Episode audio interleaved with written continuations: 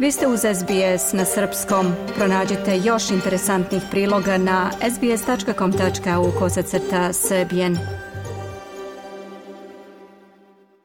Početak svake godine je idealan trenutak da se osvrnemo iza sebe i da sumiramo najvažnije što se dešavalo u proteklih 12 meseci. Kada je reč o australijskoj političkoj sceni, Godinu za nama obeležio je neuspešni referendum za uvođenje savjetodavnog tela glas prvih naroda parlamentu u nacionalni ustav. Velikom većinom glasova ovaj predlog je odbačen prošlog oktobra. Šta je još obeležilo 2023. na australijskoj političkoj pozornici, podsjetit ćemo se iz priloga koji je napisao Greg Diet.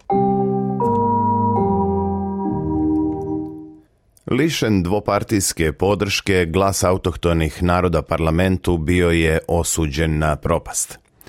Glasači su na referendumu velikom većinom odbacili predlog za promjenu ustava, pri čemu su i sve države i severna teritorija glasale protiv, dok je samo teritorija glavnog grada Australije glasala za uvođenje ovog savjetodavnog tela. Nakon što je referendum doživeo neuspeh, premijer Antoni Albanese pozvao je Australijance da budu složni, rekavši da nas rezultat referenduma ne definiše kao naciju. I absolutely respect the decision of the Australian people. Apsolutno poštujem odluku australijskog naroda i demokratski proces kroz koji je ona doneta. Kada se osvrnem na sve što se dešava u svetu, svi možemo da budemo zahvalni što ovdje u Australiji donosimo velike odluke na miran način i kao jednaki, ista kao i Albaneze posle neuspeha referenduma. Ministarka za pitanja starosedelaca Australije Linda Barney obratila se direktno aboriđinima i stanovnicima ostrva Toresovog Moreuza. I know the last few months been tough. Znam da su posljednjih nekoliko meseci bili teški, ali budite ponosni na to koste. Budite ponosni na svoj identitet i na 65.000 godina istorije i kulture čiji ste deo.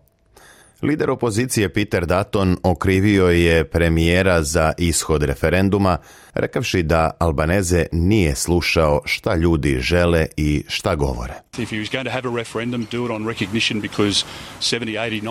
Ako je već nameravao da održi referendum, onda je trebalo da se glasa o priznavanju starosedelaca jer bi 70, 80 ili 90 odsto ljudi podržalo predlog da njihovo priznavanje bude upisano u Ustav, ali premijer to nije uradio bio, kazao je Daton.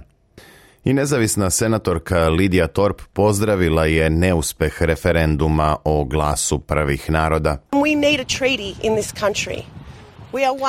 U ovoj zemlji nam je potreban sporazum. Mi smo jedna od samo nekoliko zemalja Commonwealtha koje nema sporazum sa svojim prvim narodima, kaže Torp koja je i sama autohtonog porekla.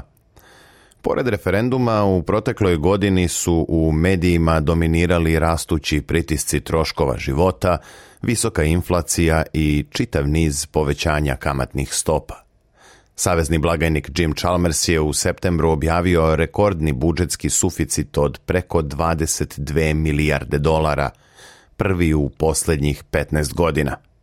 Konačan iznos suficita je revidiran u decembru, zahvaljujući porastu poreskih prihoda i višim cenama sirovina. This uh, ovo je dokaz uh, našeg odgovornog ekonomskog upravljanja koje dovodi budžet u mnogo bolje stanje.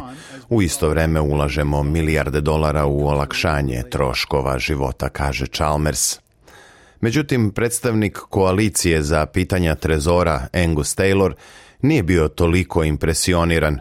On je rekao da je ekonomija u rasulu i nazvao je Albaneze ovu vladu administracijom koja nameće visoke poreze i velike troškove. tripling Taylor podsjeća da su se kamate utrostručile od kako su laburisti došli na vlast i da su domaćinstva plaćala 27% više na ime poreza na dohodak. Istovremeno je raspoloživi prihod domaćinstava opao za 8,6% u posljednjih 18 meseci. U decembru je Banka državnih rezervi po prvi put za 10 meseci ostavila stopu gotovine nepromenjenu, pa smo u novu godinu ušli sa referentnom kamatom od 4,35%. Kako je u više navrata navedeno, povećanjima kamatne stope centralna banka pokušava da obori inflaciju i da je vrati u ciljani okvir između 2 i 3%. U tom cilju nova guvernerka Michelle Bullock, koja je dužnost preuzela u septembru od Filipa Lowa, kaže da želi povećanje stope nezaposlenosti kako bi pomogla u usporavanju ekonomije pošto je stopa inflacije u Australiji dostigla 5,4%.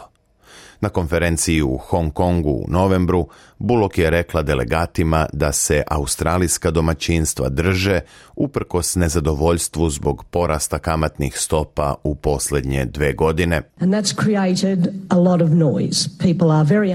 To je stvorilo veliku buku, ljudi su veoma nezadovoljni. Protok novca u Australiji je vrlo brz i naglašen, ali želim da istaknem da su uprkos svemu domaćinstva i preduzeća u Australiji zapravo u prilično dobroj poziciji Njihova stanja na računu su prilično dobra, tvrdi Bulok. Banka državnih rezervi pod rukovodstvom nove guvernerke uvešće i niz ključnih promjena od februara ove godine.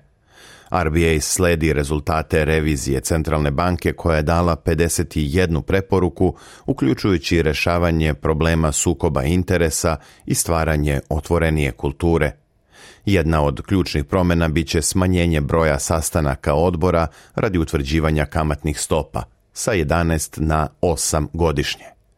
Također u okviru nove strategije komunikacije s javnošću saopštenje posle sastanaka objavljivaće odbor, a ne guvernerka. Kada je reč o politici na saveznom nivou, još jedan važan događaj odigrao se krajem godine kada je Vrhovni sud doneo odluku kojom je utvrđeno da je držanje imigranata u pritvoru na neodređeno vreme nezakonito. Ova odluka dovela je do usijane debate, a savezna vlada je u decembru odlučila da osnuje novi odbor koji će se baviti kontrolom više od 150 ljudi koji su iz imigracionog pritvora pušteni u zajednicu na neodređeno vreme. Kada je javno objavljeno da neki od oslobođenih pritvorenika imaju i debele krivične dosije, vlada je donela hitne izmene i dopune zakona kako bi se postavila stroga ograničenja, uključujući zabranu kretanja u noćnim satima i nošenje elektronskih uređaja za praćenje. Ministarka unutrašnjih poslova Claire O'Neill kaže da će odbor savjetovati vladu o tome koja ograničenja treba da budu postavljena za kog bivšeg pritvorenika, uključujući i njihovo vraćanje u pritvor ukoliko bude postojao razlog za to Kraj 2023. obeležilo je i otpuštanje jednog od najviših državnih službenika Australije zbog kršenja kodeksa ponašanja javnih službi u najmanje 14 navrata sekretar Ministarstva unutrašnjih poslova Mike Pezulo smenjen je nakon što je otkriveno da je na neprimeren način pokušao da utiče na politiku bivše koalicione vlade, piše Greg Dajet za SBS News. Ja sam Branko Cvetojević. Dajte like, podelite, komentarišite. Pratite SBS Serbian Facebook profil.